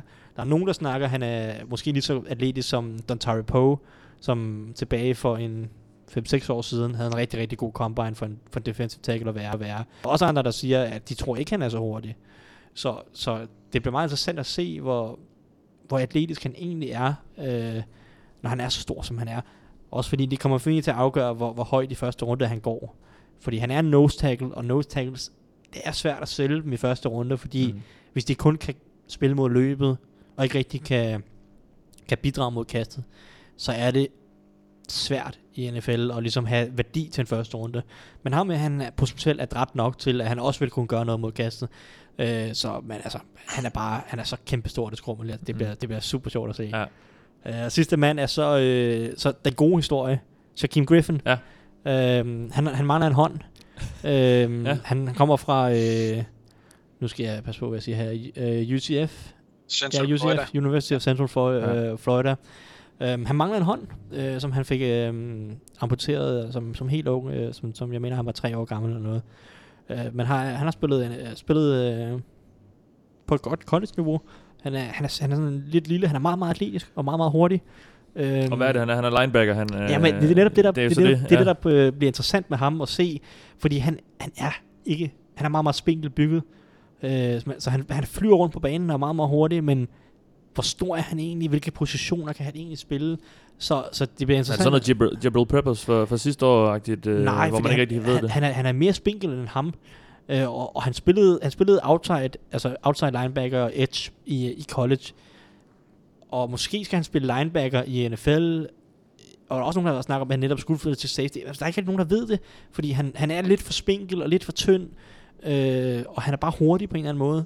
Øh, så der, udover det spørgsmål, hvor man skal finde ud af, hvor han skal spille i NFL, udover at han formentlig kommer til at være en ganske god special teamer, men en special teamer bliver ikke valgt øh, sindssygt højt i draften. Det gør ham her nok ikke, uanset hvad. Bliver nok ikke valgt i de første øh, 3-4 runder, men Vi mødtes med Andreas Knappe her i ugen, og Ja. vi kom til at snakke lidt om ham, hvor han fortalte, at øh, han har spillet mod ham, og han var sindssygt irriterende at spille mod, fordi han bare sådan, han brugte den der øh, øh, håndløse arm til sådan at stikke med, Ja. som sådan et sværagtigt eller et eller andet. ja, altså, det var, sådan han en syle. Ja, øh, ja, som- altså bare ind i, bare ind i ribben, og sådan, det var, han var virkelig, det var, han var virkelig irriterende at spille mod. Ja, også fordi, at han Knappe. netop ikke bruger, altså han bruger jo netop kun den til ligesom at stikke Ja, med. Han, ja. Normalt er, er man ligesom vant til, at der er to der hænder. er en og- hænder, du kan swipe ned i, ja, eller du kan eller slå andet. til, eller ja. altså, skal arbejde mod. Ja. Ja. Men ja, så han er en meget speciel spiller, og jeg, jeg ved ikke, jeg, jeg glæder mig meget til at se, hvad han, hvad han ligesom kan, for jeg tror faktisk, at i den i den atletiske del af Combine kan han virkelig, virkelig imponere, men i forhold til indvejningen, og hvor han skal spille, og interviewprocessen og alt det her, så, så, så ved jeg ikke overhovedet, hvor han Nej. går. Han, han, bliver, han kommer til at være en stor historie, og en, og en spændende spiller at, Ja. at se til øvelserne. Og det er nok også først og fremmest det, han er en, en god historie. Altså, Ja, altså, men, men når, man, når man ser ham på, på college, altså han kan sagtens takle, det er ikke et problem for ham, at han mangler en hånd, og uanset hvad, så bruger Nej. du ikke hænderne så meget, som du bruger armene og, og skuldrene, og du, øh, når du takler. Men, men han, han er egentlig en, en ganske udmærket fodboldspiller, men han, er bare, han har bare ikke rigtig noget sådan sted, hvor han ligesom naturligt hører hjemme, sådan lige nu, øh, udover special teams. Så, så altså, jeg tror nok, han skal blive draftet på et eller andet tidspunkt, fordi at, så er der så også en god historie. Øhm, men, men, men hvor han skal spille i NFL, hvis han skal spille andet end special teams, det ved jeg ikke. Det kan være, at Dennis han har, han har et bedre gæt. Han har jo en, øh, en bror i NFL, Shaquille. Ja, øh, i Griffin Seahawks, i ja. Seahawks, ja, cornerback. Dygtig cornerback. Ja, men øh, ja, han, bliver, han bliver sjov at følge. Øh, Shaquem øh, Griffin, hold øje med ham derude. Øh, Dennis, øh, lad mig få din, øh, din, din bud på, på nogen, vi skal holde øje med. Ja, men den, den første og klareste er øh, running back, der hedder Shaquan Barkley. Han kommer ud af, ud af Penn State, og hvis, hvis, hvis man ser ham, så er han bare et, et human highlight reel, tror jeg, det hedder. Altså, han, kan, han bevæger sig, han accelererer så afsindigt hurtigt.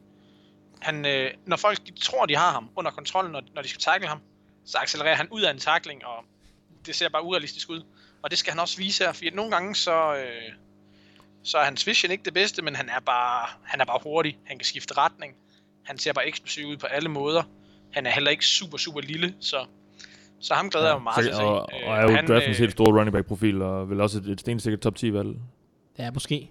Eller hvad? Nej, Ikke- ikke, ikke måske, måske stensikker. det kommer an på, om der er nogen, der vil have en Nej. running back. Det er altid øh, det der med at vælge en, en men Men running med back den umiddelbart- effekt, grund til at sige det, det er også, jeg synes ligesom, altså, der, man, man så en, en meget stor effekt fra, fra rookie running backs de sidste par år med, med Ezekiel Elliott, som, som jeg har i hvert fald en fornemmelse af, at, at tanken om, om de her running backs Ja, er men blevet lidt højere set, i... Du har også set stor effekt hos Jordan Howard, som blev valgt i femte Ja, men det er runde, rigtigt, og det er Kareem, rigtigt. Kareem Hunt, som blev valgt i tredje. Og, ja, men Alvin han er højt profileret, som- det, det er mere det, jeg vil hen til. Jamen det er han, øh, og han kommer til at gå i første runde, der er ikke nogen tvivl Ja. om. Han kommer nok også til at gå i den øverste halvdel, Ja. men, men hvor langt op han egentlig ender, det, Mm. mm. det, ved, det ved jeg ikke. Nej.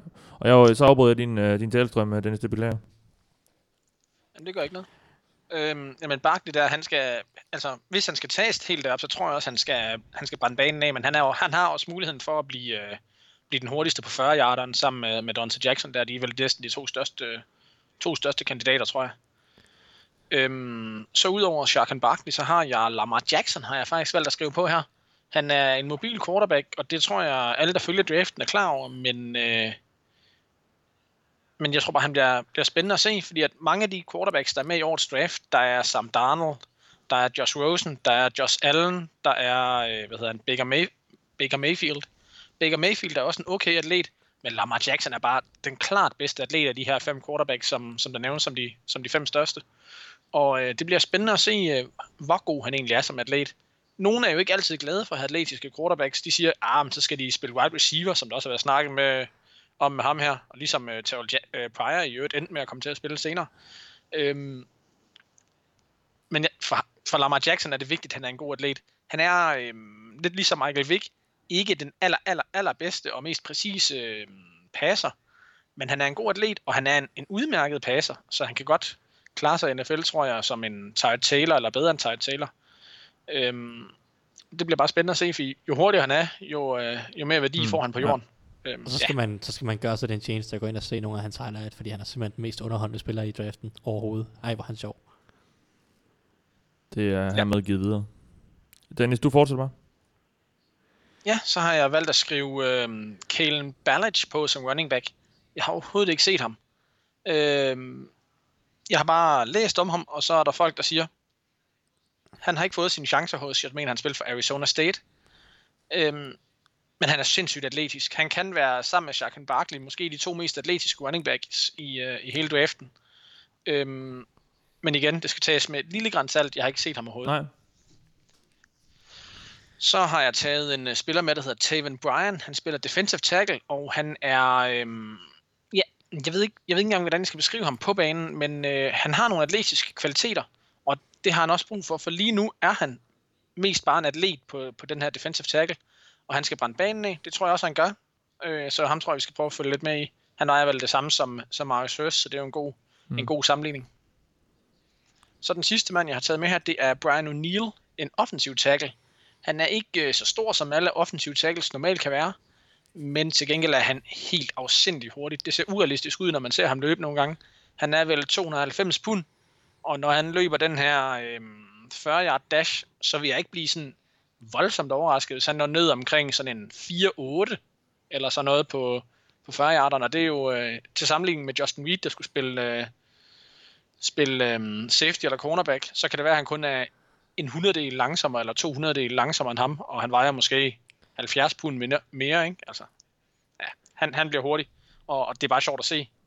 Jeg ved ikke, hvor, hvor god han er i de andre øvelser, men bare 40'eren, der, jeg glæder mig bare til at se, hvor hurtig han er. Lad os slutte af med at, at tage lige en, en lille kort snak om, om quarterbacksen, fordi de er jo det helt store samtaleemne i ved den her draft. De har, de har, ja, de har fem uh, store navne, som er, du, du nævnte dem før, Josh Allen, Josh Rosen, uh, Sam Donald, uh, Baker Mayfield og så Lamar Jackson. Thijs, hvad, hvad, hvad skal vi forvente af dem her til Combine? Fordi det er jo lidt, øh, det, det kan jo nogle gange være sådan lidt med, med quarterbacks til Combine, fordi de, de vil jo egentlig helst bare kaste på det, til deres pro day, til deres receiver, de kender osv., men hvad, hvad, hvad skal vi forvente? Jamen, øh, som Dennis også nævnte tidligere, så for quarterbacks, der er det næsten det vigtigste, interviewprocessen og, ja. og alt det, der foregår bag kulisserne. Øh, men de har vist alle sammen stort set, tror jeg, øh, valgt at kaste til draft, altså til combine, for som du siger, så er der jo ofte mange quarterbacks, de siger, vi gider ikke kaste det til combine, mm. vi kender ikke receiverne, vi kender ikke hele setup'et, øh, så gør de det til pro day, hvor de ligesom kan vise det med, med kendte receiver ja. og i, i trygge og komfortable rammer. Men de har næsten alle sammen valgt, tror jeg, at, øh, at kaste til combine, og måske er det fordi, at, at det er så kompetitivt en overgang, hvor der ja. reelt set er fem mand, som, som sagtens kan ryge første runde, og rækkefølgen er, er egentlig ret, Mulige u- ret ukendt ja. lige nu. Øhm, så, så jeg tror, at det, det bliver sjovt at se. Vi, altså, nu, nu kommer det til at foregå i shorts, og det kommer til at foregå øh, i løse rammer. Så dem, der nok imponerer mest med hensyn til det, det tror jeg kommer til at være Josh Rosens, øh, hvad hedder det, Sam Darnold og potentielt Josh Allen. Det er de tre, som jeg synes har den bedste arm Okay. øh, og den bedste præcision, og, og ligesom når der ikke er noget pres på, og ikke foregår noget omkring den, ligesom bare kan, kan levere de her sukkerballer øh, øh, i, i søvne. Måske ikke Josh Allen, som har lidt præcisionsproblemer, men han har en vanvittig arm. Øh, så hvis vi skal se dem, så vil jeg tro, at, at det er dem, der imponerer mest i forhold til, hvor, hvor godt det ser ud, øh, når, når, når de bare står i shorts og hygger sig. Mm. Øhm, og så kommer vi til at se, uh, Lamar, Lamar Jackson bliver interessant at se, fordi han er, som Dennis siger, en meget mobil quarterback, og han ligesom skulle lære at blive en, en god passer, og det er blevet bedre år for år, og han er en rimelig habil passer nu, men han har en lidt speciel øh, stance, når han, når han kaster. Det er meget, meget smalt, ikke? Normalt kan man godt lide, at der er sådan, at, at, Right, at ja. der, der, er lidt, der er lidt luft mellem benene, og de ligesom er lidt nede i knæene, og ligesom bevæger sig rundt. Øh, Lamar Jackson står meget, meget oprejst, når han står, når han kaster. Øh, og, og det bliver interessant at se. Nogle gange så virker det som om, at det også har en indflydelse for hans teknik og hans præcision. Mm. Øh, så det bliver interessant at se, hvordan han arbejder med det, og, og hvordan han egentlig ser ud, når han skal kaste bolden i, i omgivelserne mod andre rigtig, rigtig gode quarterbacks. Øh, og så er der selvfølgelig Baker Mayfield, som han er lidt all-round en, en rigtig solid pakke, og han har vanvittig god præcision på de korte og mellemlange kast. Øh, dybt er jeg stadig lidt i tvivl om, hvor, hvor god præcisionen egentlig er. Jeg synes ikke, han har det samme talent armmæssigt, øh, som Josh Rosen eller Sam Darnold, eller for den sags skyld Josh Allen. Øh, så det, altså, jeg, jeg, jeg synes egentlig ikke, at, at, at vi skal forvente det ene eller det andet. Jeg synes bare, vi skal forvente at se gode, fem gode quarterbacks, fordi der, der er virkelig fem interessante spillere i år. I år. Øh, Josh Allen er, er ikke personligt så solgt på, men han er også en interessant spiller, øh, sådan talentmæssigt. Mm. Øhm, men ellers så er det vigtigste, det, det, det er, hvad der foregår bag kulisserne. Ja. Og der er det måske interessant at nævne, at Lamar Jackson har valgt ikke at have en agent øh, på nuværende tidspunkt. Ja. Øh, og, og det er lidt kontroversielt, og det er det meget unormalt, fordi den her proces, der er, for, der er så meget hul om hej omkring hele draftprocessen, og ditten og datten, holdene ringer, og holdene ved det ene og ved det andet. Du skal udfylde papirer og papirer og papirer og papirer. Øh, og ikke at have en agent til at, ligesom at guide dig igennem og hjælpe dig på vej, det, mm. det er utraditionelt, og, Ja. og det er det helt sikkert noget, holdene vil, vil prøve at bore lidt ja, i. Ja. Dennis, lad mig få dit take på, på hele quarterback-situationen og her til Combine, og hvad vi skal forvente. Jamen, jeg er egentlig meget enig med Thijs. Jeg tror også godt, Baker Mayfield kan komme til at se ret god ud, i hvert fald på de, øh, på de middelkast. Jeg tror, han kommer til at få øh, jamen, altså, stående klapsalmer nærmest for hans præcision på de, på de korte kast. Folk kommer til, altså, de kommer bare til at ligge lige hænderne på folk. De kommer til at ligge med fuldstændig perfekt placering, tror jeg. Og så, øh, så hvis jeg skal tilføje noget andet ud over de fem her quarterbacks, så er jeg også lidt spændt på at se faktisk øh, Mason Rudolph som quarterback, og øh, en, en spiller, der spiller for Richmond, øh, Kyle Loretta, tror jeg han hedder. Øhm, han har spillet mod virkelig dårlig modstand. Han har spillet i sådan noget Division 2, Division 3, øhm, eller Division 2, tror jeg det var. Jeg, jeg blev enig med Thijs om her for nylig egentlig. Øhm, fordi jo, han ser god ud. Han, han ligner bare en, der mangler en lille smule arm. Øhm, men ellers så har han mange af de ting, som jeg, jeg synes, Jimmy Garoppolo havde ud af Eastern Illinois dengang. Han ser øh, rimelig fornuftig ud i hovedet. Han ser ret præcis ud. Armen, kan den følge med? Det ved jeg ikke. Der snakker om, at øh, den her spiller for Richmond, han kan gå helt op og blive draftet måske i anden runde af et hold som, som Washington eller noget lignende bagved, som, så, så han kan sidde bag ved Alex Smith. Ham er, ham er jeg lidt spændt på at se, om, øh, om han bare øh, viser, at han kan her til Combine, eller om han ender med at falde Ja. ja. igennem, for det er jo også en mulighed. Jamen, det var egentlig det, jeg havde på programmet. Jeg ved ikke, om I har flere kommentarer, drenge, til, øh, til, til, til det, vi nu har været igennem her med Combine og så videre. Vi, øh, vi har fået vendt det godt, og vi vender tilbage på den anden side af det. Vi øh, har i hvert fald snakket med indtil videre. Øh, ja, Dennis, du må kære. Ja, jeg har lige øh, en enkelt ting. Her Ja. inden vi øh, kommer til Combine, så vil jeg lige udkomme med en øh, top 5 øh, liste over de forskellige positioner med, hvem jeg, regner, Ja. ja. hvem jeg synes er bedst lige nu. Det regner jeg med at lægge op på Google Klud her i de kommende dage, inden Combine begynder. Det var bare lige øh, det, jeg vil tilføje. Jamen, det er hermed øh, noteret, og jamen, det kan vi jo så følge op med at bare sige generelt. Altså, hold øje selvfølgelig med, med gul klud i hele draftprocessen. Vi har en masse gode folk på, på sagen og på, på det her emne øh, i løbet, øh, i løbet af de næste par måneder, og selvfølgelig helt op til, til og med draft-weekenden. Øh, jamen, det var det for os den her gang. Tak fordi du lyttede med. Øh, det håber vi, du vil gøre igen. Vi kommer som sagt nok ikke til lige at sende i den næste øh, uges tid, men vi vender tilbage på den anden side af Combine, og når der også er blevet uddelt nogle franchise tags. Så øh, du lyttede til mig. Jeg hedder Mathias Sørensen. Med mig har haft Thijs Joranger og Dennis Kortsen. Tak for nu.